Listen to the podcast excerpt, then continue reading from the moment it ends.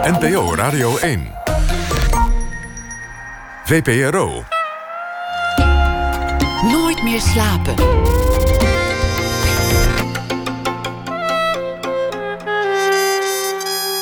Met Esther Naomi Perquin. Goedenacht, welkom bij Nooit meer slapen.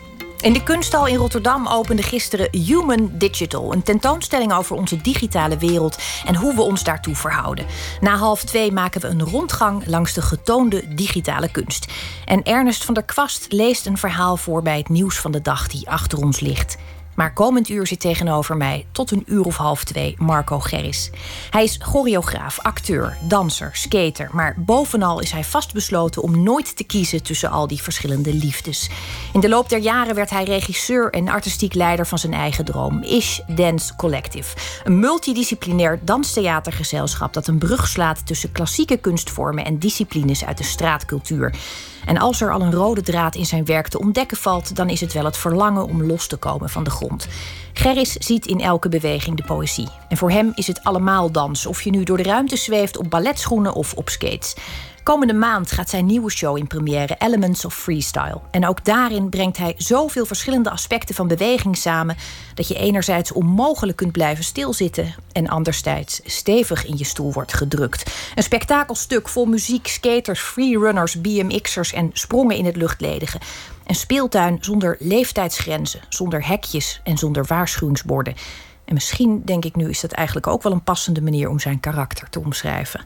In ieder geval is er nooit overtuigend bewijs geleverd dat hij niet op wieltjes ter wereld kwam. Marco Gerris, fijn dat je er bent. Hoi. Je had een hele drukke week. Mhm. Jullie zijn hard aan de slag, uiteraard. Nog een maandje ongeveer, hè? Ja. Iets korter. Ja, klopt. Jeetje. Uh, laten we eens helemaal aan het begin beginnen. Want ik zei net, er is nooit bewijs geleverd dat je niet op wieltjes ter wereld bent gekomen. Uh, je bent geboren op de Filipijnen. Ja. En de eerste drie jaar heb je daar gewoond. Ja. Heb je daar enig, enig beeld nog bij? Nee, is helemaal echt niks. helemaal uitgewist? Nee, dat is helemaal uitgewist. Ik, uh, het enige wat ik weet is van wat men heeft gezegd natuurlijk. En ik ben, uh, ik, ben, uh, ik, ik zat in een adoptie. Ik ben geadopteerd door Belgische ouders. Ik heb drie jaar in een weeshuis gezeten op Cebu City. Het is een eiland in de Filipijnen. Je bent er ooit geweest, bij, bij ja. toeval eigenlijk? Hm, klopt. En je hebt daar toen rondgelopen?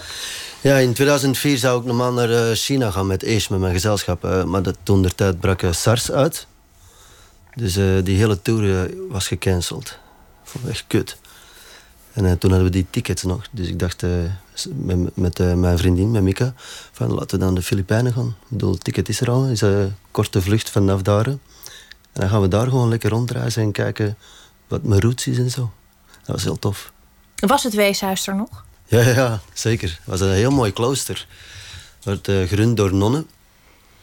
Dus ik had, dat was al echt zo mijn eerste shock eigenlijk. Dat ik er kwam, dat ik dacht van... oh, dat is helemaal niet zo'n weeshuis zoals ik me had uh, voorgesteld. Wat, wat, was jouw beeld tot ja, die tijd? Een beetje eng, een beetje zo luguber. Zoals, ja, echt zoals in een horrorfilm, dacht ik. En toen kwam ik daar aan en dat was echt zo'n mooie kerk bijna. Zo'n kloosterachtig ding. Met een grote binnen, uh, binnenkoer. Grote speeltuin en heel veel kinderen. Allemaal blije gezichten, allemaal blije kinderen.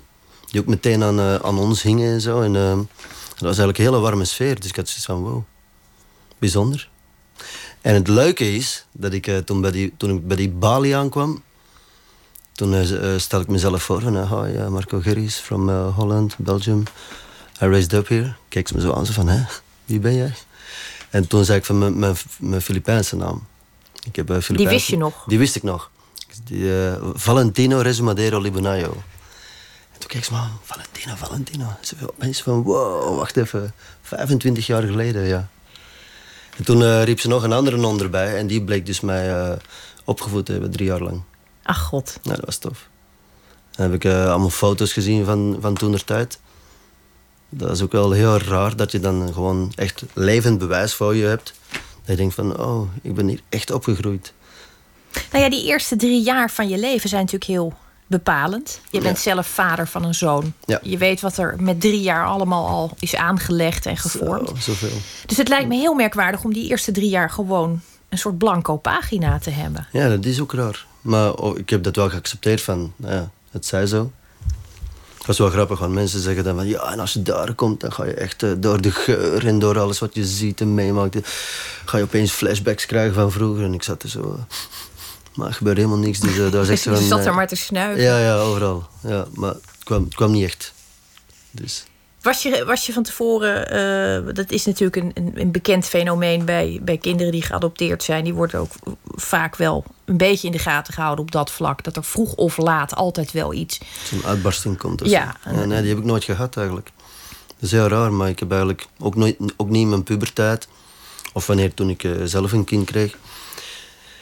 Heb ik nooit last van gehad van wie ben ik nou en wat is mijn roots. Of, uh, want ik ben altijd al een soort van gelukkig mens geweest daarin. Of Ik, ik, heb er een soort van, zeg je dat, uh, verzaad? Nee, um, ik heb er zin mee dat ik uh, geadopteerd ben en dat ik zo'n leven laat. Ik heb eigenlijk meer geluk, waar ik bewust van ben dat ik gelukkig uh, ben. En geluk heb gehad dat ik hier naartoe ben gekomen.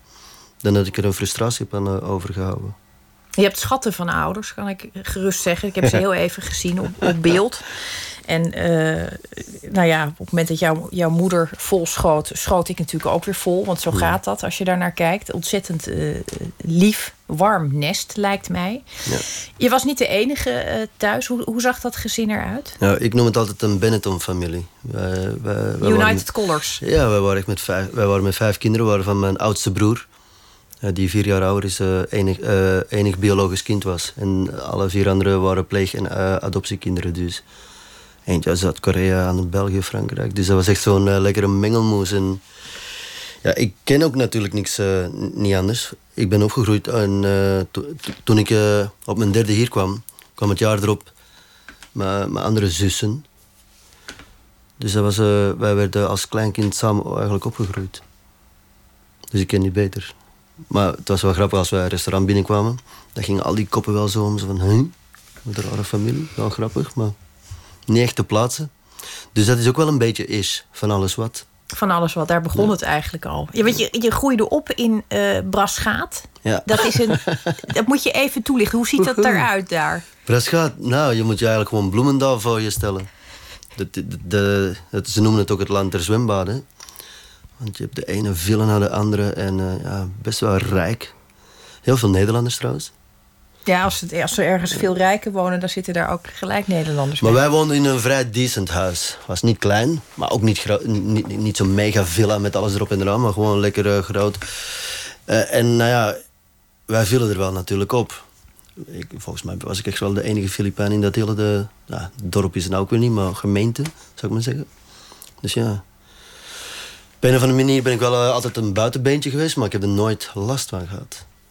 Nee, misschien vond je het zelfs heel prettig. Want je, je was wel al heel jong in staat om de show te stelen. Ook dat weet ik van je moeder. Uh -oh. De eerste voorstelling op de kleuterschool gingen alle ogen naar jou. En toen zat je er toch nog niet zo lang op? Nee, klopt, ja. Nee, maar je, bedoel, je kunt genieten van die, van die rol van, van buitenbeentje. Je kan ook iets, iets toevoegen eigenlijk. Nou, ik moet zeggen dat ik er niet het gevoel uh, mee gehad heb dat, dat, dat ik ervan genoot ik was er wel bewust van. Ik was wel bewust van, hm, ik ben toch anders. Hm, adoptiekinderen, ja, daar heb je niet zoveel van om me heen. Hè? Nee. Dus ik was er altijd wel met een soort van geconfronteerd. Maar langs de andere kant kon ik het ook wel meteen ook relativeren of zo. Ik heb daar altijd een heel volwassen kijk op gehad, op een of andere manier. En je had iets uh, sterks, je was energiek. Al heel uh, jong kwam dat er aan alle kanten uit. Wat deed je allemaal als kind? Waar was je allemaal mee bezig?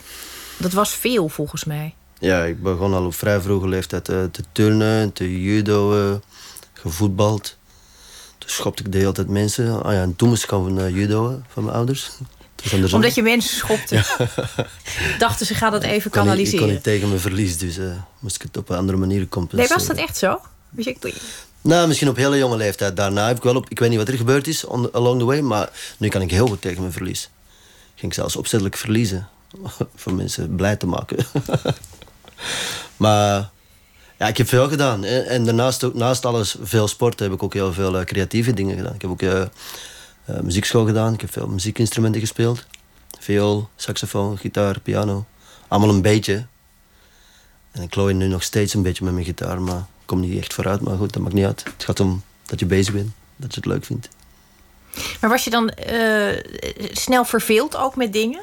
Dat, dat, als je iets onder de knie had, dan vond je het saai en dan wilde je iets nieuws. Ja, ik was heel eager om een nieuwe discipline te leren kennen. Wat het ook was, dat maakt me niet zoveel uit. Maar ik moet het onder de knie krijgen. En eenmaal dat ik het dan kon en er zelf mee verder kon, dan had ik zoiets van... Ja, oké, goed, zo. En nu? Even verder kijken. Ik weet nog wel dat mijn leraren toen de tijd er heel... Uh, achter mijn reet aan zat, achter mijn broek van... Hey, hey, je moet blijven, je gaat echt goed worden. Ik het echt niet. Ik heb geen zin om uh, urenlang in mijn kamertje alleen dat instrument te bespelen of whatever. Maar daardoor heb ik wel een soort van aanleg gekregen om andere dingen snel op te pakken of zo. Ook fysiek. Uh, ik vind het, uh, ik, ik, ik, uh, op een of andere manier heb ik mezelf aangeleerd om goed te kijken naar een discipline en dat dan te kopiëren eerst. En van, het begint toch altijd vanuit beweging. En dan van daaruit verder te puzzelen en het zelf te ontdekken wat je er nog meer mee kan. Hoe zagen je gelukkigste dagen eruit als kind, als je dat zelf in mocht richten? De gelukkigste dagen van een kind, als ik het zelf mocht inrichten. Zo. Nee, even denken. Ik denk, uh, ja, dat klinkt misschien stom, maar zoals mijn zoontje, Kiana, nu leeft, wat hij allemaal doet en mag, dat ligt dicht in de buurt van hoe dat ik zou opgevoed willen worden. Maar ik heb dat ook een beetje zo gehad, dus ik heb dat wel van mijn ouders meegekregen. Ik heb gewoon geluk gehad dat ik heel veel mocht doen, dus maar wat ik bedoel is, met Keanu die zit nu bijvoorbeeld bij zo'n turnenvereniging in, uh, in Oslo bij ons. En dat is een speeltuin, jongen. Dat is niet normaal wat daar allemaal uh, staat van spullen. En een foambak van die uh, patattenbak waar je gewoon tien dubbele salto kan doen. En, en matten en je kan vallen hoe je wil. En ja, dat, dat vind ik Een soort paradijs. Ja, dat vind ik echt paradijs. Dan denk ik echt van, shit jongen, ik wou dat ik zo jong was en dat daar mocht spelen. Geef je hem ook wat je in, in, in die zin wat je, wat je, waar je zelf naar verlangt hebt, lijkt hij op jou? Mijn zoon? ja, mijn ouders en de ouders van mijn vriendin, die zeggen wel dat ze op ons lijken. Hij heeft van ons allebei wat. Hij heeft mijn choleriek. hij kan heel snel boos worden. Ik denk van, oei, oei. En dan uh, zegt Mika, mijn vriend, ja, hij lijkt op jou. Ja. En mijn moeder zegt dat ook. Die zegt ook, ja, lekker voor je karma. Had jij ook een kort lontje? Ja, toen ik jong was wel. Of jong, nee, nog niet zo heel lang geleden is dat pas opgebrand. Of, hoe zeg je dat? Afgeknipt. Afgeknipt. maar, maar hoe, hoe uitte zich dat? Want een, een, een kort lontje denk ik gelijk dat, ah, dat, dat werd dus vechten ook. Nee, nee, nee. Ik was geen vechter. ik had wel een grote mond. Ik ging vaak uh, verpalen met iemand uh, in... in, uh, in maakte ik ruzie. Maar nooit vechten. Maar, maar ja, ik was gewoon heel ongeduldig. En eigenwijs. En eigenwijs. En als het niet ging zoals ik het wou, dan kon het soms wel. Maar heb ik, wel, ik heb wel geleerd, gelukkig maar, along the way, om soort van zin daarin te worden. En heel af en toe schiet dat nog wel eens eruit, maar echt heel af en toe. Ik vind dat ik de laatste jaren echt veel, veel rustiger ben geworden. En op andere manieren dingen heb kunnen bereiken. Een van de eerste keren dat je besloot in je leven... ik ga nu echt een één richting kiezen. Je dacht toen nog dat je dat ook echt zou volhouden misschien. Eén richting. Dat is toen je besloot ik wil acteur worden. Dat was toch wel echt een, een, een duidelijk doel. Nee, ik wou dat ook echt worden. Dat vond ik super tof. Ik had in België had ik ook een soort van semi-pro uh, uh, toneelopleiding gedaan. Open Living Theater. En dan leer je de aspecten van acteren leren. Of uh, alle technieken, maar ook ja, heel veel ervaring op doen. En dat vond ik zo te gek. En dat, dat, daar, eh, dat was echt wel mijn eerste liefde. Acteren. En ja, dat is zonder dat dat dan uh, niet uh, doorgetrokken is. Maar blijkbaar moest het zo zijn. Want ook denk, ik denk achteraf gezien dat het ook goed was en dat het zo moest. Omdat waarschijnlijk heb ik me daar ook nog wel uh, op, op een bepaalde manier in verveeld of zo, als het alleen acteren zou zijn geweest. Je, je zat wel op een prachtige plek, de Herman Tegeling Studio. Dat is echt wel ontzettend gerenommeerd. De plek eigenlijk waar je wil zitten. Lesgat van Jan de Cler en zo. Ja, dat is, het, het, klinkt toch niet als een plaats waar je dan graag weer vertrekt, eigenlijk. Ja, maar om eerlijk te zijn, ik vond dat ook wel een beetje een desillusie uh, hier en daar. Hoor. In welk opzicht? Nou ja, je verwacht wel heel veel van een toneelschool en zeker zo'n gerenommeerde plek. En ik heb daar hele mooie uh, ervaringen meegemaakt, maar ik heb ook daar wel dingen meegemaakt die ik denk van... Pff, steltje hypocriet gedoe af en toe hier hoor. Heb je een voorbeeld? Ja, een docent. Ga geen namen noemen, want ze is best bekend in, Nederland, in, uh, Vlaanderen. Die heeft mij echt een jaar lang zitten afbranden en uh, alleen maar uh, mij verteld van dat ze niet in me geloofde en bla bla bla bla. En achteraf, toen ik dan gezakt was, bij wijze van kwam ze nog wel naar me toe van... Ja, ik vind toch jammer dat je weg moest zijn. Ik van, ah, steltje hypocriete slit. ik het, laat maar. Wat ben je toen gaan doen, toen je vertrok? Ja, ik zat toen wel met mijn hand in mijn haar. Oh nee, nee, na, na mijn telling heb ik, uh, zei iemand... Uh, wat ze wel tegen mij zeiden, die school, die opleiding... Die zei van, ja, je kan zo goed bewegen. Misschien moet je iets met dansen gaan doen of zo. Zei, dansen, is dat? Ik had ervoor nog nooit gedanst. Ik was toen 19 of zo. Toen heb ik auditie gedaan bij het Hoger Instituut voor Dans en Danspedagogie. Lier was dat. Ook een best wel een, grote, gerenommeerde school. En dan zat ik echt tussen allemaal auditanten van danseressen en dansers. Die echt al jarenlang natuurlijk uh, professioneel uh, dat deden. Ik wist niet eens ook mijn stretchen en zo. Dus, een soort Filipijns-Belgische versie van Billy Elliot zie ik nu voor me. ja, nou, ik had niet eens zoveel techniek als dat ventje hoor. Echt niet. Maar ja, ik heb het, het, grappige, het enige grappige was aan die auditiedag toen, dat weet ik nog goed, was dat het eigenlijk toch wel best goed, uh, uh, uh, goed aanvoelde. Ik zag wel dat iedereen om me heen veel meer techniek had en veel meer wist van dans dan ik. Maar wat, wat moesten jullie doen? Want ik heb helemaal geen, geen beeld precies bij hoe een dansauditie er in de praktijk aan toe gaat. Ja, ik kan me dat nog wel goed herinneren. Ik heb, ik heb moderne dans gehad, Lehman en Graham-stijl. En ik heb zelfs balletles gehad. En uh, Afrikaans dansen kreeg ik. En toen, ja, iets muzikaals ook met instrumenten of zoiets. En het enige waar ik een beetje mee kon was uh, die Afrikaanse dans. Uh, en ik weet nog heel goed, er zat een soort van sprong in. Dat heet barrel turn. Daar kwam ik later achter. Dat is een spectaculaire, maar nog wel te doen sprong. En dat vond ik zo lekker om te doen. ik bleef niet meer doen. en een week later hoorde ik toch dat ik door was. Dat, dat ik mocht beginnen. Dus ik had zoiets van, wat? Oh my god ik ga dansen. maar dan, moet je dus, wat je, je zegt dat nou even, ja, die anderen hadden al veel meer techniek. Was je daar ook gelijk weer een buitenbeentje? Of, of was oh, er ook iets wat jullie direct bond? Want je, je, was natuurlijk fysiek wel gewoon fit en bewegelijk en sterk. Ja, ik ben nooit zo lenig geweest natuurlijk, maar ik, kom wel, ik heb wel heel veel geleerd dat ene jaar. Ik heb er maar één jaar op gezeten. Dan mocht ik ook stoppen. Maar ik heb best veel geleerd. Ik heb uh, geleerd uh, te tappen. Dus anders uh, met, met ritmes en zo. En ja, technieken, daar val ik hopeloos in natuurlijk. En ik moest ook pas de duis doen met meiden die twee koppen groter waren dan mij en zo. Dus dat ging helemaal finaal de mist in. Maar uiteindelijk, als ik dan ook weer achteraf naartoe, het had allemaal zo moeten zijn voor waar ik nu sta en wat ik nu ben en waar Ish voor staat. Ik bedoel, ook een deel heb ik daar geleerd op die, op die opleidingen. Laten we het eens hebben over die naam Ish. Want uh, ik, ik, sla nu even een heel stuk over, daar komen we misschien nog op terug. Ja, zo ben ik ook. De, naam Ish, waar is die uit uh, voortgekomen? Ja, heel simpel eigenlijk. Het is gewoon een, een, een Amerikaan. Ik denk van, van een danscrew of zo die ik ooit eens ben tegengekomen. En die zag mij dansen, die zag mij performen. En die, die zag toen al van, wow, hij doet wel van alles wat. Beetje skaten, beetje dansen, beetje hip-hop, beetje breakdance, beetje acrobatiek, beetje kung fu. Dus die zei van, nou, dat is niet echt een één stijl of zo. You're ish. Dan, uh, dacht ik van, wat bedoel je ermee? en toen zeiden ze, ja, dat betekent van alles wat. Uh, not definite, uh, vanuit het letterlijk greenish groenachtig. Dat vond ik heel mooi. Toen had ik zoiets van, ja, dat begrijp ik. Dat ben ik, ja, van alles wat. En daar heb ik echt mijn filosofie van gemaakt. Mijn, levens, mijn levensstijl, van alles wat. Gewoon wat ik leuk vind.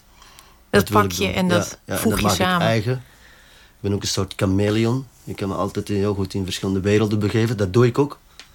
Dagelijks, wekelijks, mannelijks zit ik altijd wel uh, in heel veel verschillende werelden. En dat vind ik leuk. Dat skaten, want daar heb ik, uh, is een prachtige documentaire gemaakt in 2001, Wheels of Fortune.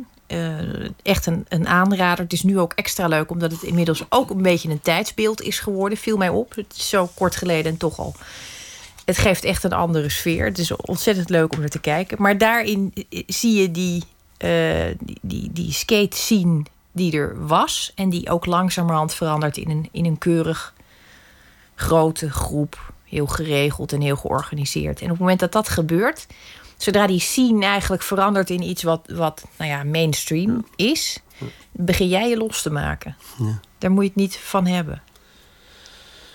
Wat, wat, trok jou zo aan in, in, in dat skaten? Want je hebt het volgens mij overgehouden omdat je twee zusjes je uitdaagden om ook eens een keer op wieltjes te gaan staan. Oh shit, je weet echt alles.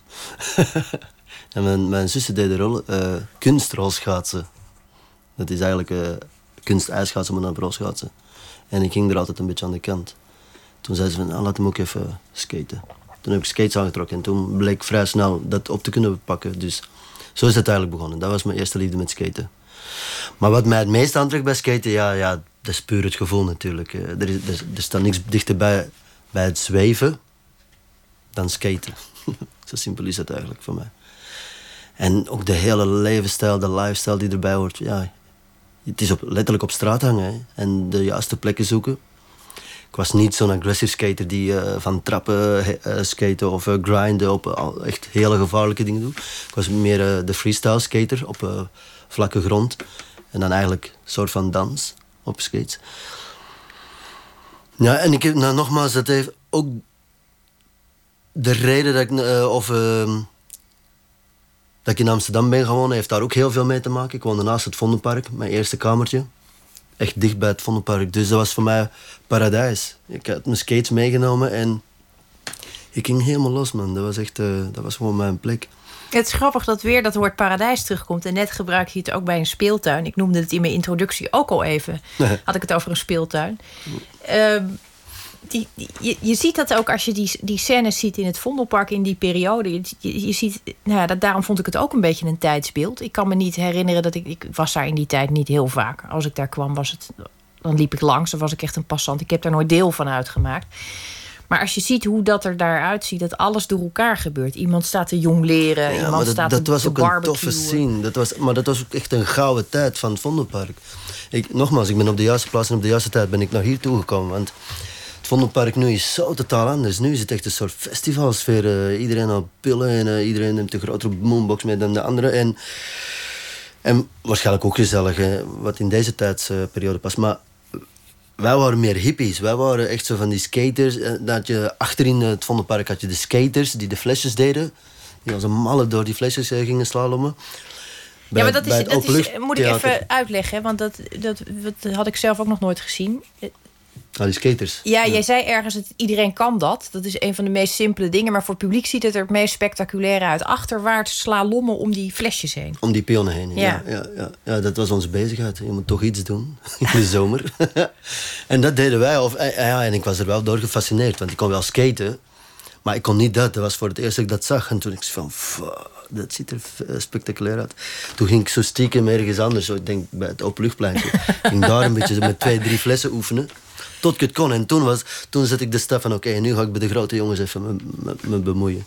Ja, maar het is ook wel een beetje een cultuur... waarin je elkaar de hele tijd uitdaagt. Ja, maar dat is, dat is bij al die disciplines die een ik doe. Een spelletje ook. Ja. Nee, er, er zit wel een soort van wedstrijd... Nou, niet wedstrijd, maar wel contest... Naar, op een vriendschappelijke manier naar elkaar toe. Sneller, creatiever, uh, harder op je bek gaan. Zo van die dingen. Het hoort er wel allemaal bij. Maar je pikte het heel snel op. Ja. En uh, zag je toen ook heel snel... Ik, ik ik kan hier meer mee doen. Ik kan dit ook van de straat halen en dit combineren met. Of was dat idee, kwam dat pas later op? Nee, ik heb dat altijd, uh, ik heb dat altijd zelf gedaan. Ik heb, uh, zelfs in België was ik stagiair toen ik op de dansschool zat, waar we uh, moesten, moesten wij stage lopen. Toen speelden we The Wizard of, of Oz, een soort afgeleide ervan, met de gedichten van Paul van Ostaaien trouwens. En ehm, toen stelde ik de regisseur ook voor van... Hey, ik heb mijn rolschaatsen bij. Ik kan, als je wil, een uh, scène ervoor doen. Opdoen. Toen zei hij, ja, nou, laat maar zien. Toen liet ik... Uh, ja, wat... Uh, toen liet ik zien dat ik alsof ik zo niet kan skaten. Vind ik leuk om te doen. Een soort clowns act. Bambi on ice. Ja. En toen zei hij, ja, dat vind ik tof, dat gaan we doen. Dus, en ik heb dat eigenlijk altijd al gedaan. En dan, toen ik die nieuwe die musical waar ik in speelde, daar heb ik ook zo'n skatezending gedaan. En toen zei ik ook van, ik wil een eigen groep beginnen met al die disciplines. Met skaten en breakdancers en uh, beatboxers en DJ's. onze scene. Dat wil ik op het podium neerzetten. En waar begin je dan? Want je, je bedoelt... Bij mijn vrienden. Ik, uh, ik, ik, begaf me natuurlijk in die, in die scene, op de rollerdisco's of op uh, events of op wedstrijden. En, en toen ik de kans kreeg, eh, ik ontmoette toen ook een producer, Gerard Cornelissen, en die, die, die, was zo gek om dat idee eigenlijk met mij samen te ontwikkelen. En toen mocht ik scouten, vooral onder mijn vrienden, DJ's, dansers, skaters. Dat lijkt me lastig, onder je vrienden gaan scouten. Ja, maar de, de, er was geen enkele andere plek. Er bestaat geen opleiding voor die disciplines natuurlijk. Dus die, die moet je wel op feesten of op wedstrijden of op uh, events tegenkomen. En ik begaf me toch al in die tijd overal en ergens. Dus, uh, ja, en je leert dan ook mensen beter kennen. En je, je klimt al snel op naar degenen die echt goed zijn. Die, die, die trekken ook elkaar aan en zo. Ja, en zo is het eigenlijk begonnen. Wat, ma wat maakt iemand echt goed?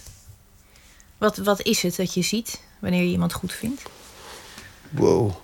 Toen de tijd of nu? Dat is ook een groot verschil, hè? Ja, dat is een groot verschil. Maar in ieder geval, voor mij is het belangrijk dat mensen en iets persoonlijks hebben. Dat ze talent hebben, ja, dat kan iedereen zien, denk ik altijd. Van, ja. Tuurlijk zie je wanneer iemand echt goed is of wanneer iemand oké is. Maar wat iemand aantrekt, ja, dat is iets heel persoonlijks. En voor mij is dat een bepaalde energie. Vind ik heel belangrijk. Positieve energie. Beetje gek. Eigen, eigenwijs. We gaan het er straks nog even over hebben. Hebben we even denktijd over die energie.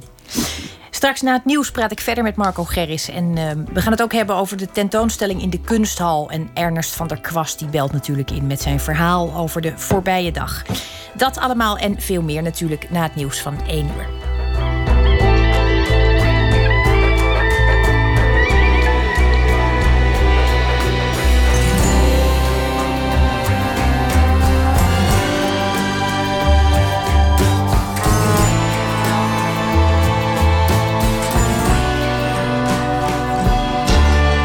Radio 1. Het nieuws. 1 uur, Maarten Stultjes met het NOS-journaal. De politieke partij DENK gebruikt nep-accounts op sociale media... die de partij steunen en tegenstanders aanvallen. Dat schrijft NRC op basis van onderzoek. Het blijkt volgens de krant onder meer uit berichten... die medewerkers en politici van de partij via WhatsApp aan elkaar hebben gestuurd. Het zou gaan om zeker twintig nepprofielen op Twitter en Facebook. Voor die accounts zouden onder meer foto's gebruikt worden... van een Nederlandse student en een Belgische theatermaker... die daar zelf niets van af weten. In een voetbalstadion in Angola zijn zeker 17 mensen om het leven gekomen. Het ging mis toen de toeschouwers massaal de hekken bestormden... tijdens een wedstrijd tussen lokale teams in de stad Widje. Volgens de directeur van het ziekenhuis zijn de slachtoffers gestikt... nadat ze onder de voet zijn gelopen. Er zijn ook 60 mensen gewond geraakt, van wie vijf zwaar. De Amerikaanse president Donald Trump gaat binnenkort nieuwe maatregelen nemen op het gebied van veiligheid. Dat zei hij op een persconferentie na het bezoek van de Japanse premier Abe in het Witte Huis. Trump zei niet aan wat voor maatregelen hij denkt en of zijn plannen iets te maken hebben met het inreisverbod. Gisteren besloot het federale hof dat het inreisverbod voor mensen uit zeven islamitische landen opgeschort blijft. Daarover zei Trump dat hij ervan overtuigd is dat hij uiteindelijk gelijk zal krijgen van de rechter. Op verschillende plekken in het land zijn ongelukken gebeurd door de gladheid en de sneeuw.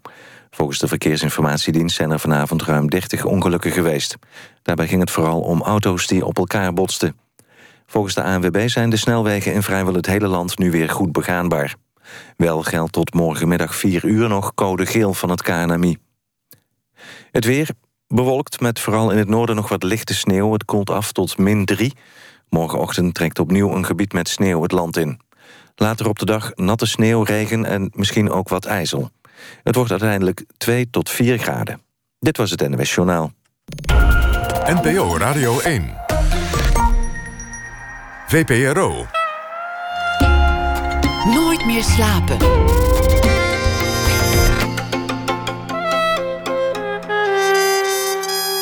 Met Esther Naomi Perquin.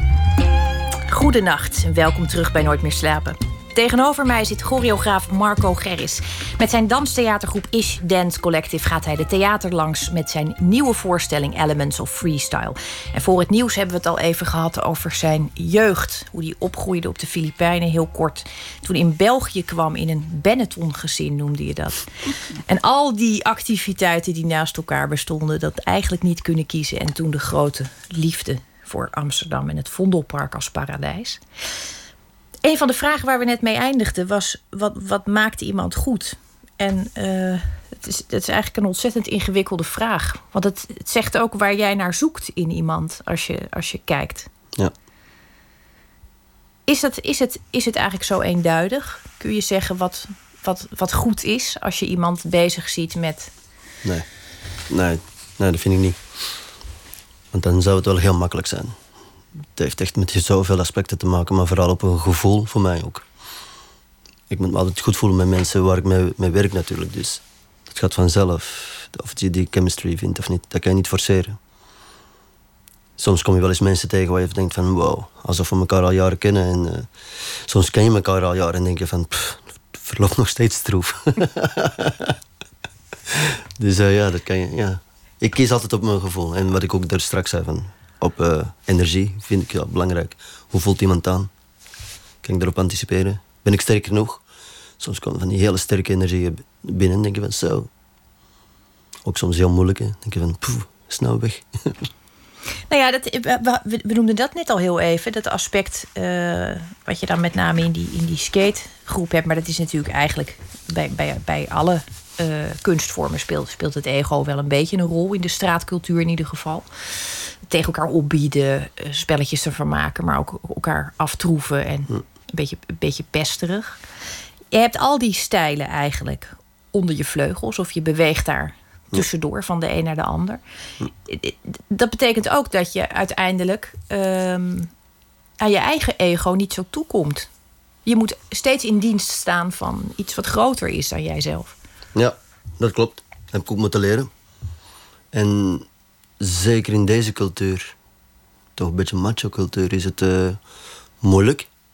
En dan is de kunst voor mij als artistiek leider of als regisseur of als choreograaf, welke functie ik dan, dan ook heb, om. Ja, om, om, toch duidelijk te maken wat je wil. Zonder je eigen ego te verliezen, maar je moet ook uh, durven durven geven. Want anders krijg je echt problemen met zo'n uh, gasten. Het is een hele delicate wereld af en toe. Dat vind ik ook wel leuk hoor, om uh, met die mensen te werken. Maar het is niet makkelijk. En ik moet heel vaak inderdaad wel mijn eigen opzij schuiven. Ja. ik denk van wow, als ik vroeger hier had ingestaan... Had ja, weet je zegt, ik heb dat moeten leren. Maar hoe, ja. hoe ging dat in het begin dan? Ja, moeilijk. Dat weet ik zelf ook wel. Ik heb echt moeten leren om geduldig te zijn en om uh, me beter te verwoorden wat er in mijn hoofd omgaat. Dat is uiteindelijk toch de, de, de taak van een regisseur. Dat is het allermoeilijkste ook trouwens, om te vertalen van wat er in je hoofd zit. En tegelijkertijd is dat ook uh, de leukste uitdaging voor mij. En soms slaag ik er uh, wel in. En de ene keer beter dan de andere keer. Soms gaat het heel moeizaam. En, vaak gaat het wel ook wel uh, heel, uh, heel vlot en leuk. En bouwen, gezamenlijk ook al komen we van heel veel verschillende werelden, bouwen wel iets heel moois op. Ik vind het heel belangrijk dat het, uh, dat het werk, het maakproces als een soort collectief werkt. En ik spring eigenlijk alleen maar erin als het een beetje stroever gaat of als ik zie van oh, het gaat de verkeerde kant op. Ik stuur heel graag, coach heel graag. Toen deze voorstelling ontstond, Elements of Freestyle. Want daar, daar, daar, hebben we het nu over. Omdat die, nou ja, over minder dan een maand eigenlijk. Gaat, gaat de lucht in gaat, hoe noem je dat? Gaat, gaat lopen. Ja, gaat toeren. Gaat toeren. Ja. Ehm, waar is deze voorstelling begonnen? Wat, wat was het, het, het, het, basisidee? Of was er eigenlijk wel een basisidee? Nou, eigenlijk is het ook een ode aan mijn roots. Hè. Ik bedoel, voor mij is, is ook toch wel uh, begonnen met skaten. En in deze voorstelling, in Elements of Freestyle, zit ook uh, heel veel skating. Het is een ode aan mijn passies. Het is een ode aan mijn wereld, aan mijn, aan mijn lifestyle. Uh, en van breakdansen tot, uh, tot uh, inline skaten, tot freerunnen tot basketbal. Het, ehm, het, zijn dingen waar ik bij mij opgegroeid ben, of eigenlijk heel veel mee in contact ben geweest. En in de ene wereld heb ik me meer begeven dan in de andere, maar ik heb, het altijd wel, ja, ik heb er altijd wel een liefde voor gehad. Ik ga heel graag naar b-boy events of naar hip-hop events of naar skate battles of whatever. Skatewedstrijden. En ja. En niet meer van het gevoel van, oh, kon ik dat ook maar, maar gewoon van, wow, ik vind het gewoon knap. Ik vind het, ik vind het, en ook de hele lifestyle eromheen, ik vind het uh, te gek. En dat is iets wat ik ook probeer in de voorstelling te stoppen. Niet alleen maar het, uh, het spectaculaire, de dubbele salto's of whatever, maar ook gewoon echt wel ja, niet echt de lifestyle van, oh, kijk hoe chill we zijn. Maar, maar vooral uh, van, ja, gewoon de sfeer, de energie die je op dat podium ziet, dan, als je er naar kijkt, dan voel je het wel. Dan, dus het is moeilijk uit te leggen, maar je moet het uh, ervaren. Dus dat hoop ik eigenlijk. Maar stiekem weet ik eigenlijk wel dat het ook zo is. Het is een, een, een voorstelling waarbij je dus heel erg de vrijheid die je voelt ook uh, behouden hebt. Ja. Heb je niet laten uh, begrenzen in dat opzicht. Nee. Um, je hebt ongelooflijk veel gedaan de afgelopen jaren. Onder andere op Broadway ook gestaan, een, een, een periode. Had je daar dezelfde vrijheid? Had je dat gevoel? Want het lijkt me, lijkt me toch een heel andere setting waar je dan weer in moet passen. Nee, maar sowieso is in Amerika spelen anders dan in Nederland. In Nederland heb je veel meer vrijheid dan in, uh, in Amerika. Ja, wat, hoe, hoe, hoe ging het er dan, daar dan aan toe? Nou, eerst en vooral toen we daar voor het eerst naartoe moesten, toen, we, toen werden we echt wel voor mijn gevoel al tien keer gescreend van oké, okay, ziet er, wordt er niet te veel in gevloekt in de voorstelling? Of zijn er niet uh, lugubere dingen die gebeuren? Of zijn er geen verkrachtingen of whatever? Uh, weet ik veel waar ze allemaal mee uh, waar ze op loeren. Dus dat, we moesten eerst al door die selectie heen. Een soort censuur is dat ja, ja, ja, ja, maar dat, dat, dat kwam natuurlijk ook zeker in het begin... dat we voor heel veel jongeren spelen. En, en ze zijn heel zuinig op hun ja, jongeren natuurlijk. In Amerika, in Amerika. is het best wel een issue. Dus, en ik weet nog goed dat er... een, want wij werken ook met video's, grote video's. En toen was er een beeld van een, uh, van, van een kogel die zo voorbij kwam. Echt zo twee seconden of zo. en dan moest er uit geknipt worden. Ik zei van, wat? Jezus, man. Hypocriet gedoe. Nou, in een land met zo'n wapenwet is het inderdaad een beetje merkwaardig dat één klein los rondvliegend kogeltje eruit geknipt moet worden. Ja, ja zou je nou, denken. Ja, nou, ik ben benieuwd hoe het daar, daar uh, wat er gaat gebeuren daar. Maar op, op dat soort momenten, als je zo'n verzoek krijgt, of verzoek, het was waarschijnlijk een eis die gesteld werd, Ja. dat moet eruit. Ja. Ook dan moet je in staat zijn om ergens overheen te stappen bij jezelf.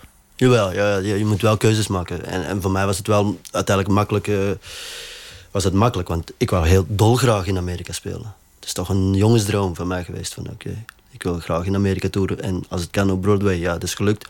Te gek. Jullie hebben er weken eh, gestaan. De eerste keer hebben wij er eh, een paar weken gestaan, drie, vier weken. En de tweede keer twee weken. Ik heb er met twee shows gestaan. De eerste keer was 2006 of zoiets. 2007. En eh, 2014 met mijn laatste eh, show. En hoe, hoe, hoe was het effect? Wat was de sfeer in zo'n zaal? Wat, bracht het iets teweeg waarvan je dacht... God, we zijn hier echt nodig eigenlijk.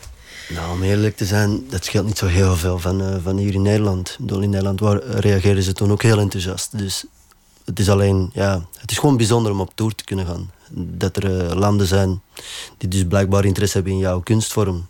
Dat vond ik vooral, eh, dat is een compliment. Dat we dat hebben bereikt met Ish. En uiteindelijk, als je zoveel eh, hebt getoerd, dan zie je dat eh, het, eigenlijk is alles hetzelfde. En het zit een beetje in de, in de kleine details dat het verschillend is of zo. Ik vind reizen heel leuk. Ik vind het heel belangrijk. Maar nu in Nederland... ehm, nou ja, dit is voorlopig... Je begint natuurlijk in Nederland. Ja. Je weet nog helemaal niet waar je terechtkomt nu met deze.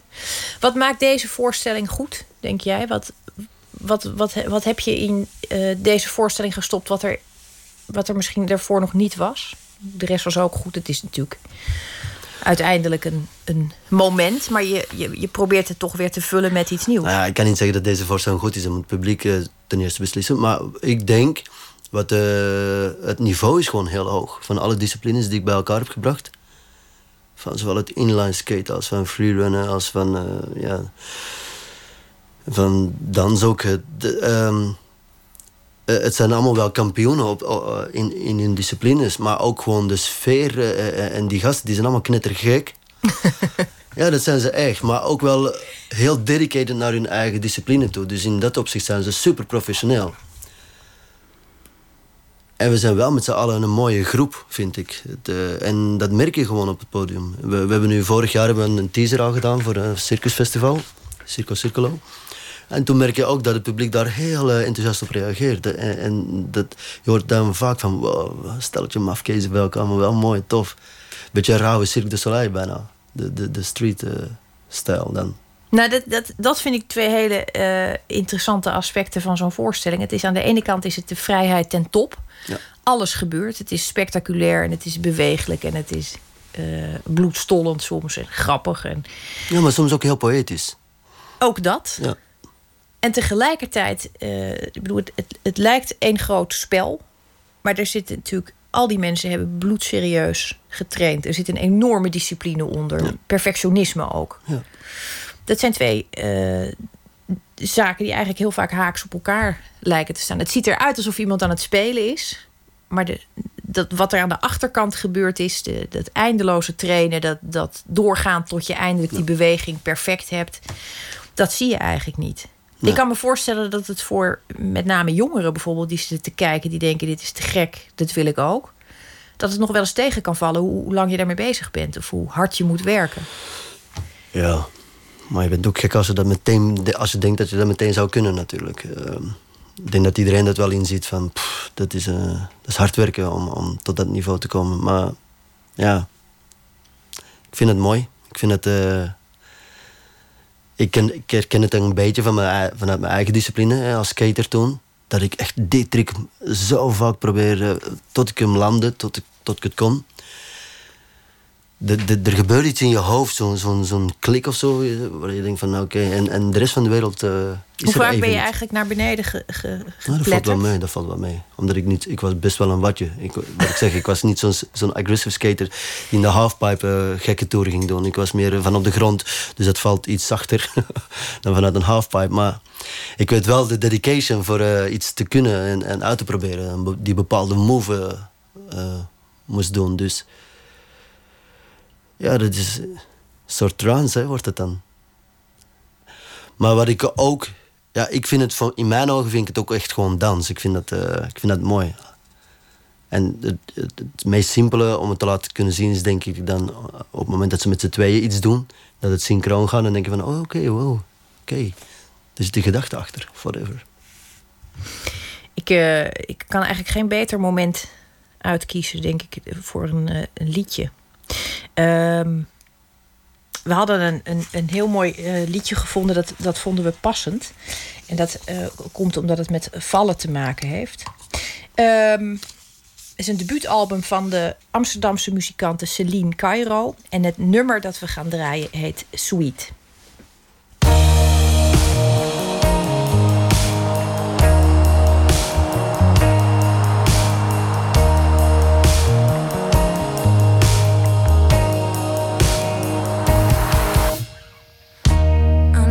you've been waiting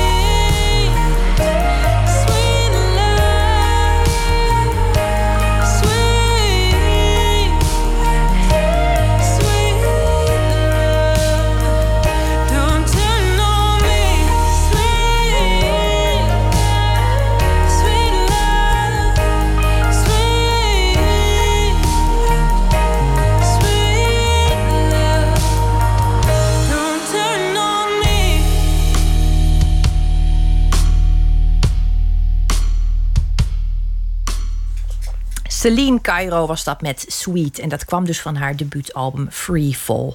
Nou, vallen, daar hebben we het al de hele tijd over eigenlijk. Vallen, bewegen en vliegen.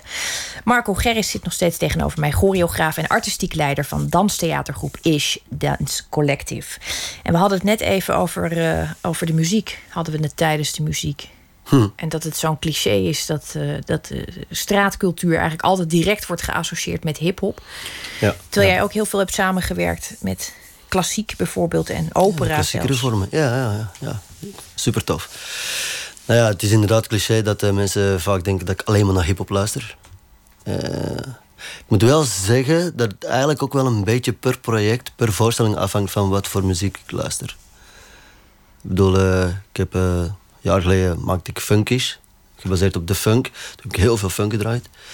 Twee jaar geleden heb ik een opera gemaakt. Toen luisterde ik eigenlijk heel veel opera. Luisterde ik heel veel Radio 4. Vond ik te gek in mijn eentje zo in die auto. Volle bak uh, klassieke muziek aan. Dus daar kan ik ook heel erg van genieten. En ja, sowieso gebruik ik de laatste jaren echt wel veel uh, live muziek op het podium. Dat, want dat doet natuurlijk zoveel meer dan wat je op een band afspeelt. Nu gaan mijn muziekcomponist heel boos worden. omdat hij alles vanuit zijn laptop maakt. Maar hij begrijpt wel wat ik bedoel. Ik bedoel, het is, uh, het is toch anders. Een instrument op podium, dat voel je. Dat heeft een heel andere vibe of zo. Dat is eigenlijk ook een kwestie van energie. Dat is wel een, een, uh, een woord dat jij. Nee, wat, di wat dicht bij je staat. Ja, ik weet ook niet waarom. Ja. Alles is energie, toch? Nou, we hebben aan het begin van dit gesprek even over jouw uh, jonge jaren gehad. Ja, is, je was voornamelijk energie, geloof ik. Om, het, om het zo samen te vatten. Ja. Wat hoop je dat deze voorstelling uh, gaat doen? Want je zei net even, en toen geloofde ik je voor het eerst niet. Je zei net, ik kan eigenlijk niet beoordelen of het goed is, dat moet het publiek doen. Uh, en waarom geloof ik dat niet? Omdat ik iemand tegenover me zie die gewoon heel uh, gedreven is. En ik denk niet dat jij ooit een voorstelling zou afleveren waarvan jij zelf niet weet of die goed is. Ik denk dat je wel weet dat het goed is, maar je wil, je wil oordeel niet vellen. Of zit ik ernaast? Um, ik probeer altijd wel de beste voorstelling af te leveren. En elke keer denk ik van dit wordt de beste voorstelling, terwijl vaak niet. maar, wow, hoe moet ik het zeggen? Je weet niet waar het, uh, aan, uh, waar het van afhangt, of het een goede voorstelling is of niet. Maar je kan wel goed, of je leert goed aanvoelen van wat werkt of wat niet. En ik heb ook wel mijn, mijn, eigen stijl daarin uh, in gevonden. Maar het is niet makkelijk. Het is altijd wel zwoegen. Het is altijd wel op zoek gaan naar van oké, wat is de beste combinatie. En ik, ik, veel hangt toch ook echt af van de mensen waar ik mee werk. Ik vind het toch belangrijk. Ik moet uh, toch soms diep graven. Soms gaat het vanzelf en soms moet ik diep graven. En, ja, je weet echt niet waar het aan ligt. Nou ja, dat is natuurlijk. Ik bedoel, de kracht is het collectief, maar dat is ook het, het grote risico. Ik bedoel, als er in die groepen jullie werken heel intensief samen, Mhm. je moet verschrikkelijk op elkaar kunnen bouwen. Gaat, het, gaat dat wel eens mis? Want er gebeurt natuurlijk psychologisch ook gewoon van alles in zo'n groep. Soms gaat het mis, maar niet heel veel. Vaak. Ik, ik, ik, ik, ben ook iemand die als er. Ik probeer altijd sferen te creëren of zo als ik aan het maken ben. Ik vind het heel belangrijk en, en, en, ik, en ik probeer zo aan te sturen en ik probeer te puzzelen van waar ik denk van waar mensen op dat moment nood aan hebben of zo. En dat is in elke discipline en elke voorstelling anders. In deze voorstelling, bij Elements of Freestyle, was het vooral heel veel samen plezier maken. Ja, dat vond ik echt te gek. Ik was eigenlijk weer, eigenlijk weer een beetje kindje. Laatst zei iemand van, word je eigenlijk ooit volwassen? Ik hoop het niet, denk je dan. Soms wel, soms niet. Maar in ieder geval, deze voorstelling is gewoon, eh, ja, eh, de, dat speelse, zie je. Maar ook de dedication, wat ik al zei, en de, de, de serieuze kant ervan. Ik, ik, heb, ik heb toch wel een paar scènes waar ik eh, veel vraag van hun. Dat ze denken van, eh, oh, moet- ik dit echt doen? Wat een beetje saai is voor hun dan. Dat ze denken van, echt, moet ik hier tien keer eh, heen en weer skaten? Vind je dat mooi? Maar omdat er dan live muziek onder is met een cello en een violist... en een beetje Philip Glass-achtige deuntjes speelt... Ja, dan, ja, in mijn ogen wordt het dan kunst. Dan denk ik van, dit, wil ik, dit wil ik ook laten zien. Dat, dat, dat repetitieve van wat zo'n skater drijft of zo. Maar dat is dan mijn creatieve vertaling ervan of zo.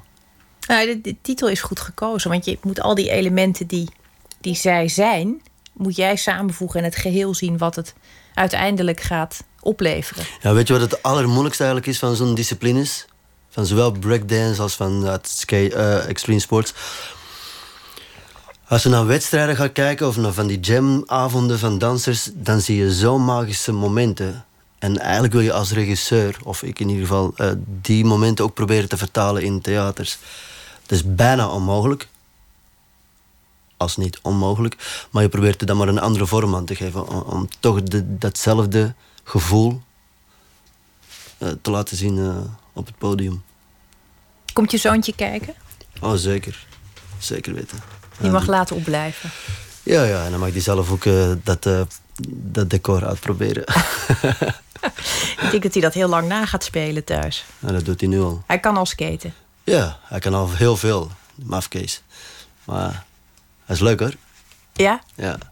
Ja, voor hem is het heel normaal dat hij uh, mensen op zijn hoofd ziet spinnen. Of uh, dubbele salto's ziet springen. Of uh, raar bewegen. of hip te zien, hip-hop. Voor hem is dat zijn wereld. Het lijkt me een heel gezonde blik om de wereld mee tegemoet te treden eigenlijk. Meer spelen. Ja, meer spelen. Dat vind ik een goed, uh, een goed moment om, uh, om je te bedanken voor je komst. Ik vond het heel fijn dat je er was. Super gezellig. En ik wens je een ontzettend mooie voorstelling. Ik ga in ieder geval zeker. Dank je. Met of zonder zoontje. Dank je wel, Marco Gerris. Nooit meer slapen. Gisteren was de officiële opening van een expositie over digitale kunst in de Kunsthal in Rotterdam. De getoonde werken komen allemaal uit de collectie van één familie die zich al vroeg richtte op het verzamelen van hedendaagse digitale kunst. En verslaggever Botte Jellema ging kijken.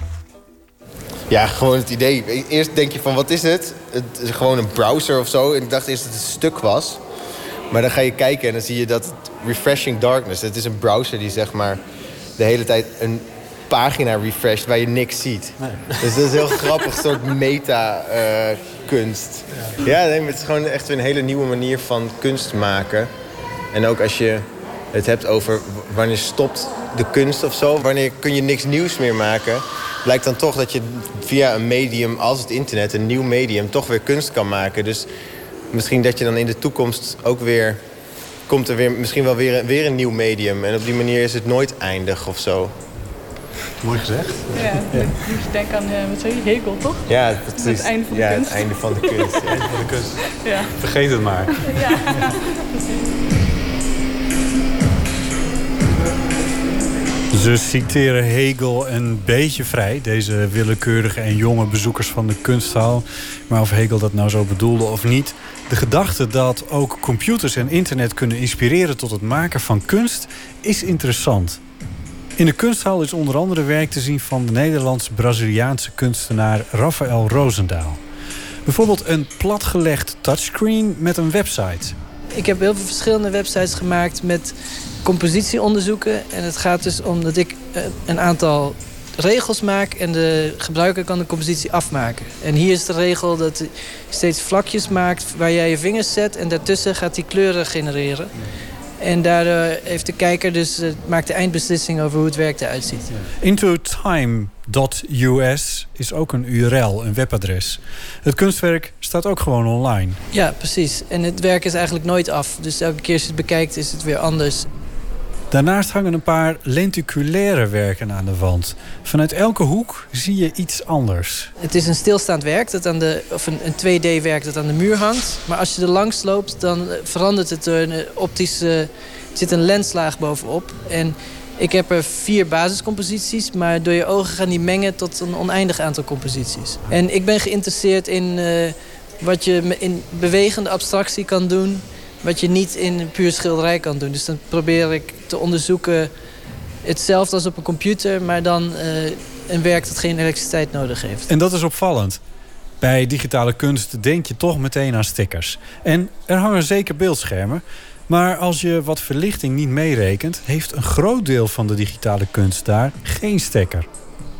Rafael heeft er ook drie werken in textiel hangen. Ik heb een Chrome plugin gemaakt. Het is een, uh, een klein programma dat je kan downloaden op je browser. En dan kun je het internet bekijken en dan druk je op een knop. En dan analyseert hij de website en die vertaalt hij naar een geometrische compositie. En die vertaal ik weer naar textielwerken. Omdat uh, textiel weer aan de geboorte van de computer stond. En het voelde goed met elkaar. Uh, Hoe dan?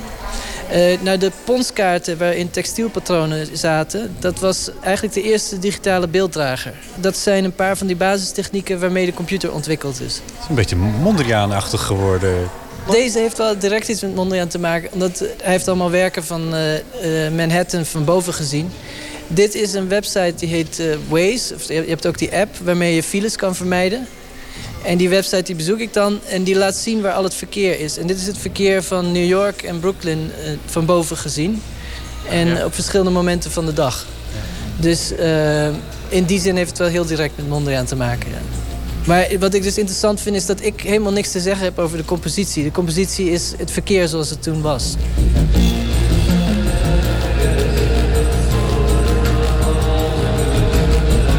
Tentoonstelling bestaat uit werken uit de collectie van de familie Brown... en is samengesteld door Annemarie Nicolaas. Ik heb de collectie van Hugo Brown gezien, van de Family Collection... en ik vond het prachtig om te zien, uh, nou ja, digitale kunst. Je denkt natuurlijk aan sowieso digitale fotografie.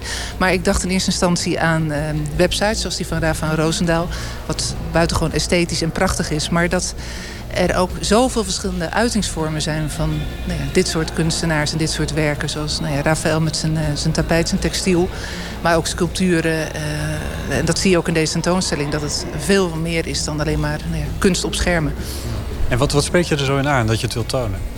Uh, ik vind het achterliggende idee vaak erg mooi. Maar ik vind ook de werken zijn over het algemeen enorm esthetisch en visueel aantrekkelijk. Ze hebben echt een, een beeldtaal die ontzettend pakkend is. In kleuren, in vorm, in afwisseling.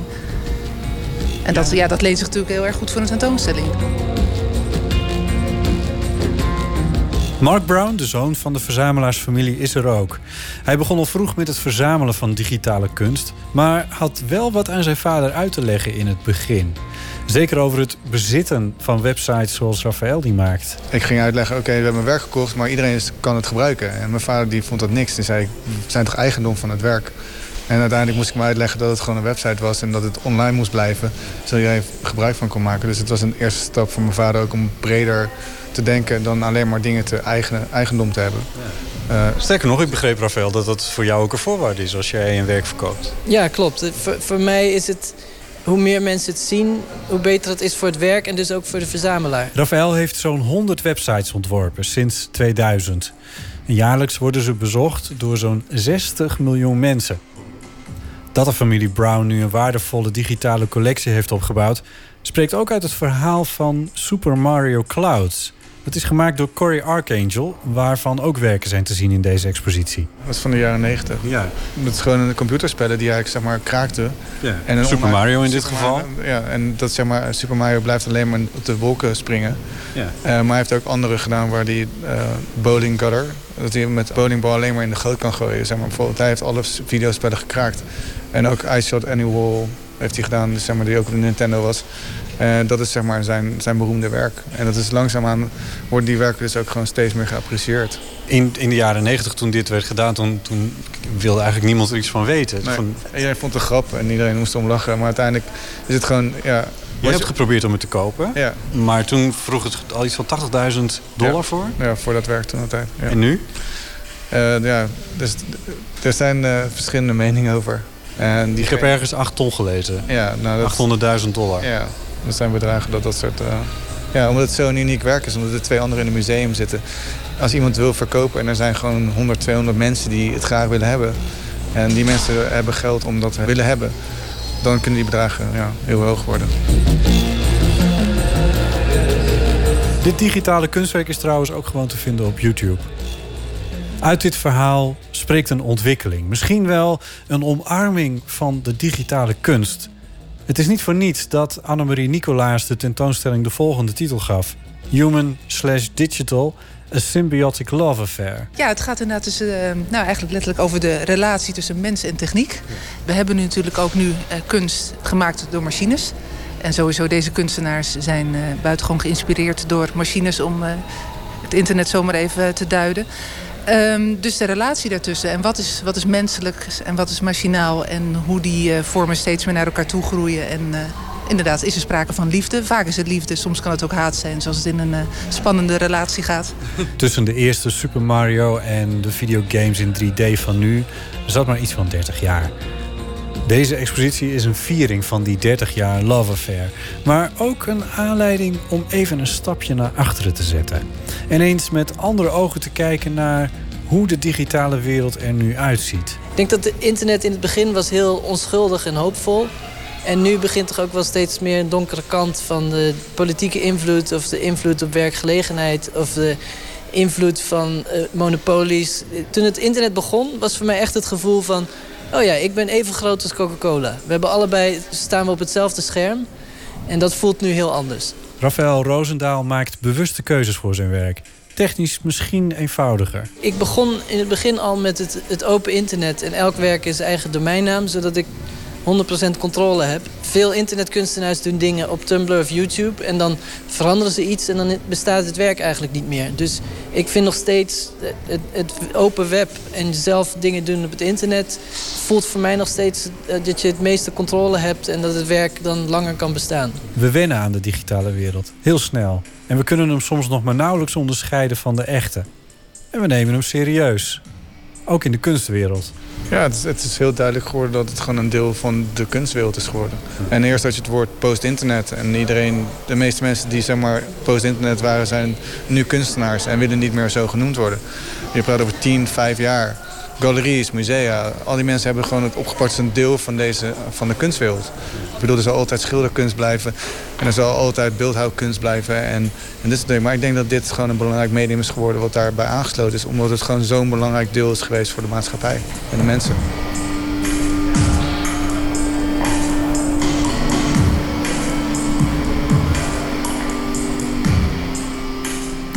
Verzamelaar van digitale kunst, Mark Brown. Uit de collectie van hem en zijn familie is nu dus de expositie Human Digital samengesteld. Tot 2 april te zien in de Kunsthal in Rotterdam.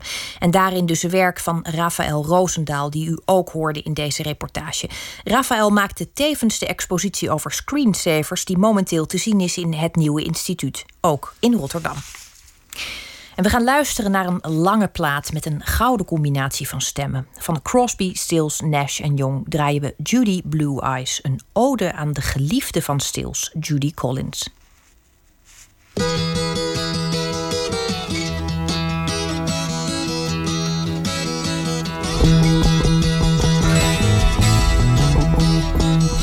It's getting to the point where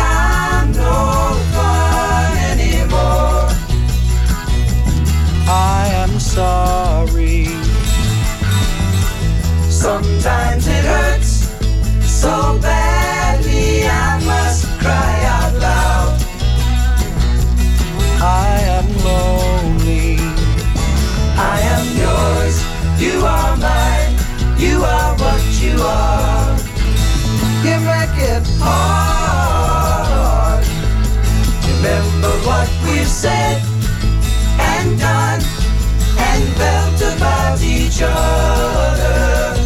Oh, babe, have mercy. Don't let the past remind us of what we are not now. I am not grieving. I am yours. You are mine. You are what you are. You make it hard.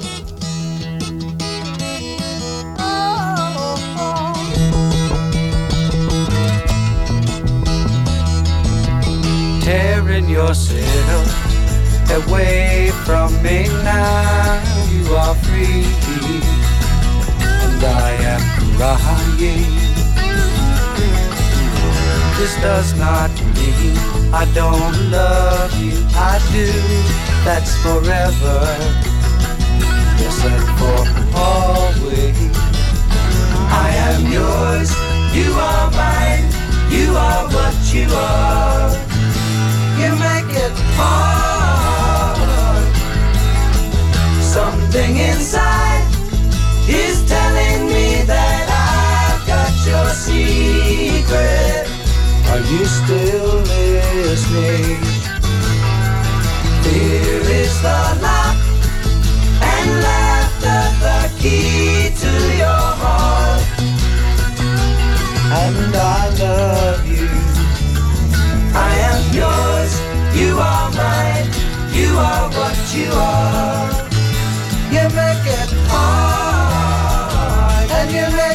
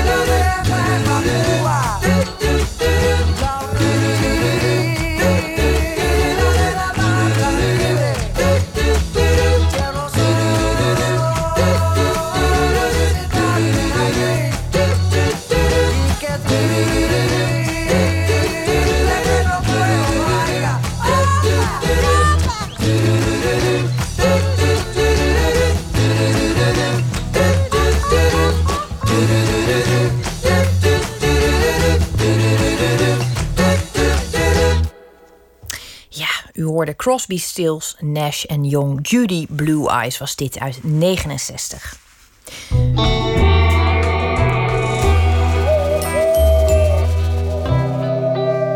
We gaan verder met 1 minuut. Een serie vol wonderlijke verhalen in ongeveer 60 seconden. En de bijdrage van vanavond heet geheel toepasselijk kunst.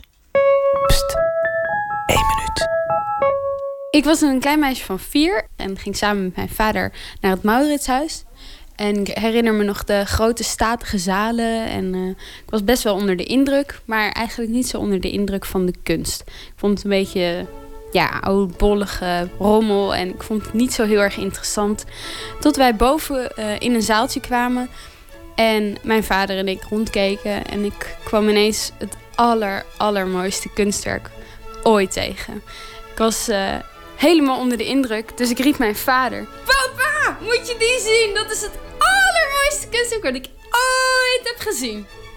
Alle mensen in de zaal keken verschrikt op en hadden zoiets, wat, wat is er, wat is er? Mijn vader kwam dichterbij en ik kwam kijken, wat was er aan de hand? En daar stond ik, vier als ik was, te wijzen in de spiegel. Nou, terecht lijkt mij. U hoorde een 1 minuut gemaakt door Job Jan Altena met dank aan het Mediafonds. Tijd voor een ouderwetse klassieker. Zo'n nummer waarbij je denkt: oh ja, hier scoorde de Le Guess Who in eh, 1969 een hit mee: These Eyes.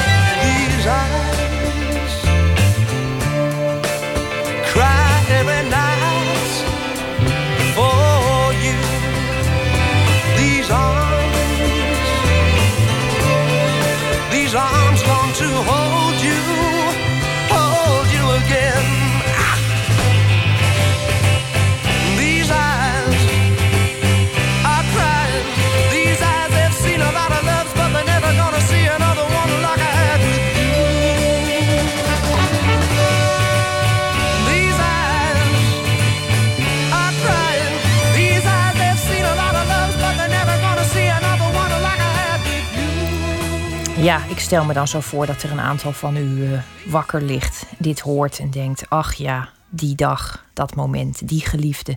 Nou, zoiets, zoiets is altijd fijn bij een klassieker. Ze worden wel de eerste echte rockband van Canada genoemd, The Guess Who. En wij draaiden These Eyes. Nooit meer slapen.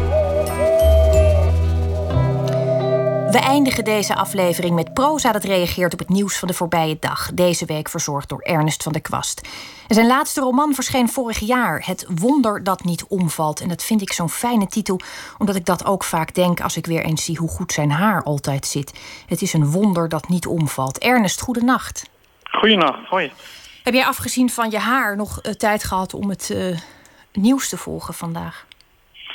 Ja, nieuws. Ik, ik, heb dan, ik, ik, ik sluit liever aan bij iets wat, wat ik heb gezien of heb meegemaakt. Dus ik, ik, heb, ik, heb, ik, heb, ik heb zeven uur opgesloten gezeten in mijn kamer om te schrijven. En ben toen naar Art Rotterdam gegaan. En daar gaat dit stukje over. Ah, Kun- een heftige tegenstelling. Ja. ja. Nou, daar gaan we eh, eerst maar naar luisteren dan. kunst. De huwelijkscrisis is terug. Ze was lang weg, mede met behulp van een psycholoog... die op zijn stoel begon te wiebelen toen het thema overspel op tafel kwam. Ik dacht dat we verlost waren van de crisis en van de psycholoog... maar dat bleek een illusie te zijn eh, op de kunstbeurs Art Rotterdam. Het cliché is waar. In het merendeel van de galerieën zijn de meisjes mooier dan de kunstwerken. Ik zag een vrouw in een paars jurkje die van de catwalk leek af te zijn gesleurd. De show van Givenchy, voorjaarscollectie, want het was hoogzomer in het jurkje van de vrouw. Mijn vriendin liep naast mij en ik probeerde zo geïnteresseerd mogelijk naar de plastische, stontkleurige vormen te kijken die aan de muur hingen. Denk je dat ik gek ben, zei mijn vriendin na een minuut of drie. We lieten de strontkunst met een glimlach achter ons. Tien minuten later ging het mis. Ik raakte op slag verliefd. Niet op de homo die bij de, die bij de galerie hoorde, want die had je natuurlijk ook op de kunstbeurs. Ranke, slanke mannen die steeds dichterbij kwamen en je dwongen tot een bod. Ik was gevallen voor een schilderij van Emo Verkerk. De kunstenaar Hendrik Werkman was erop afgebeeld. Het kostte 10.000 euro, maar de ranke, slanke man wilde er voor mij wel iets afhalen en ik kon betalen met de kunstkoopregeling. Ik had afgelopen jaar voor duizenden euro's kunst gekocht met behulp van diezelfde regeling. Maar dat was volgens mijn vriendin niet het grootste probleem. Er was geen plekje meer vrij aan de muur. Ze keek naar mij met een blik die zei, het is dat kunstwerk of ik. Het beeld van de wiebelende psycholoog kwam bij mij naar boven. Hij zou het best spannend vinden om daarover te praten. Ernest, dankjewel. Merci. Heb jij je ooit, eh, ben je er ooit achter gekomen wat het is in mensen dat dit soort honger veroorzaakt? Dit soort bezitsdrang? Ik ben nu, as we speak, bij, de, bij, bij, een, bij een diner in Museum Boymans van Beuningen. Eh, waar allemaal eh, grote verzamelaars ook zitten. Die bij hebben gedragen aan eh, de tentoonstelling over surrealisme. Ik zit helaas niet aan tafel met iemand die een, die een kunstwerk in bruiklijn heeft gegeven. Maar, maar die zijn er wel. Dus misschien probeer ik die dadelijk gewoon dronken te voeren. Om erachter te komen hoe dit allemaal in elkaar steekt. Het bezitten en het verzamelen Ja. ervan. Nou, het is wel, het is, ja, het is niet omwille van enige speculatieve waarde, maar omdat je gewoon, ja, je, je wil, je, je vindt iets zo mooi dat je er elke ochtend mee wil opstaan. En ja, dat, dat gebeurt bij mij niet heel vaak, maar gebeurt toch wel minstens een paar keer per jaar dat ik een kunstwerk zie. Maar volgens mij ben ik niet meer, uh, noem je dat, creditabel uh, bij, bij de kunstkoopregeling. Dat is via het Mondriaan Fonds. En dan gaat ABN AMRO een renteloze rekening. Maar de laatste keer kreeg ik te horen dat, dat dit toch wel het laatste is wat ze voor mij wilden doen. Omdat ze er weinig vertrouwen in hadden. Dus mensen moeten meer boeken van mij kopen. Dan, dan, ben, dan kan ik weer meer kunst kopen. Ja, ik, ik voorzie nu toch dat je uiteindelijk uh, berooid zult sterven... met veel schoonheid aan de muren en goed haar. En, en mijn vriendin die weggelopen is. Ja, dat zou ook nog kunnen. het is of dit kunstwerk of ik. Ach ja. We wachten het rustig af. Ik wens jou een, een, een goede voortzetting van dat uh, diner. Probeer die mensen allemaal uit te horen en uh, vooral te vriend te houden ook. Ja. En uh, ik wil jou danken voor je bijdrage deze week. Dank je wel. Goeienacht, Esther. Lief. Dag. Hoi, hoi. The Slow Show is een vijftal uit Manchester dat zich heeft vernoemd naar een nummer van The National. En het kan natuurlijk toeval zijn, maar hun rijk gearrangeerde songs doen ook een beetje aan diezelfde band denken. Van The Slow Show is dit Ordinary Lives. I'm proud of you, boy. Look how far you came. Proud who you are. Happy how you changed.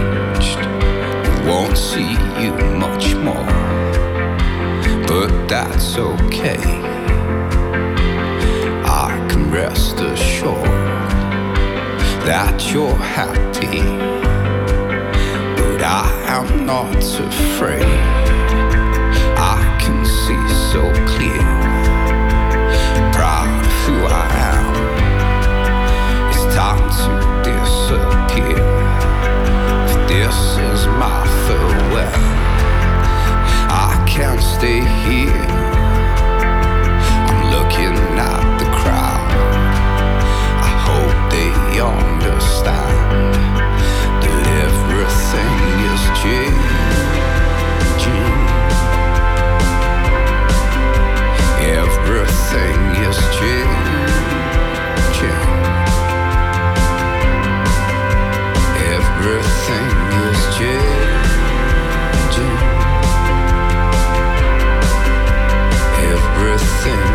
is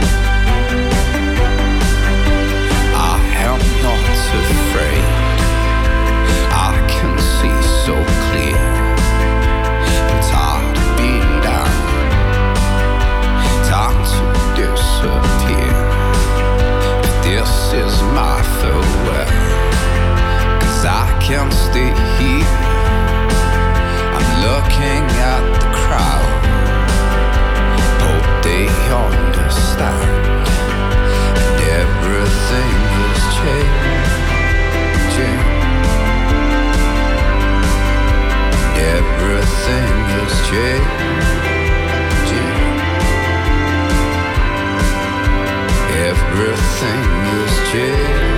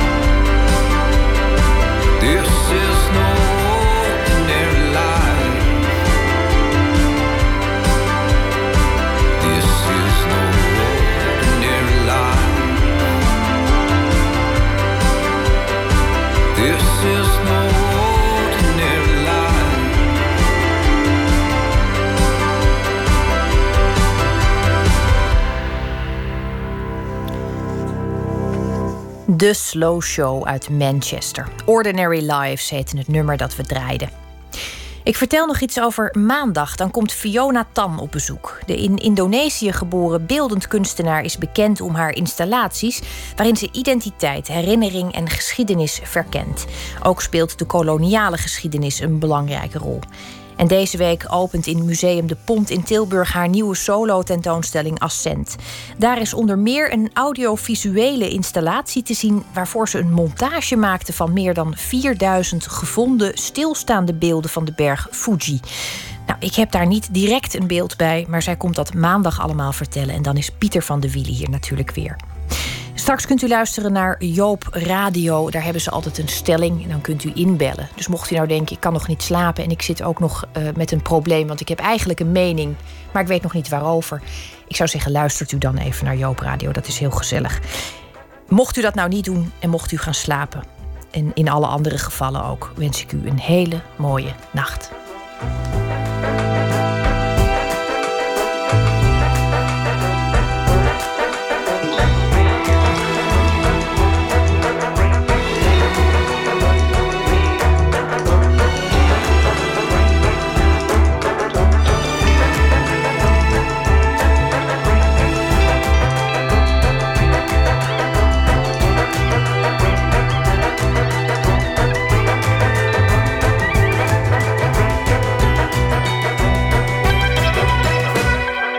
Radio 1.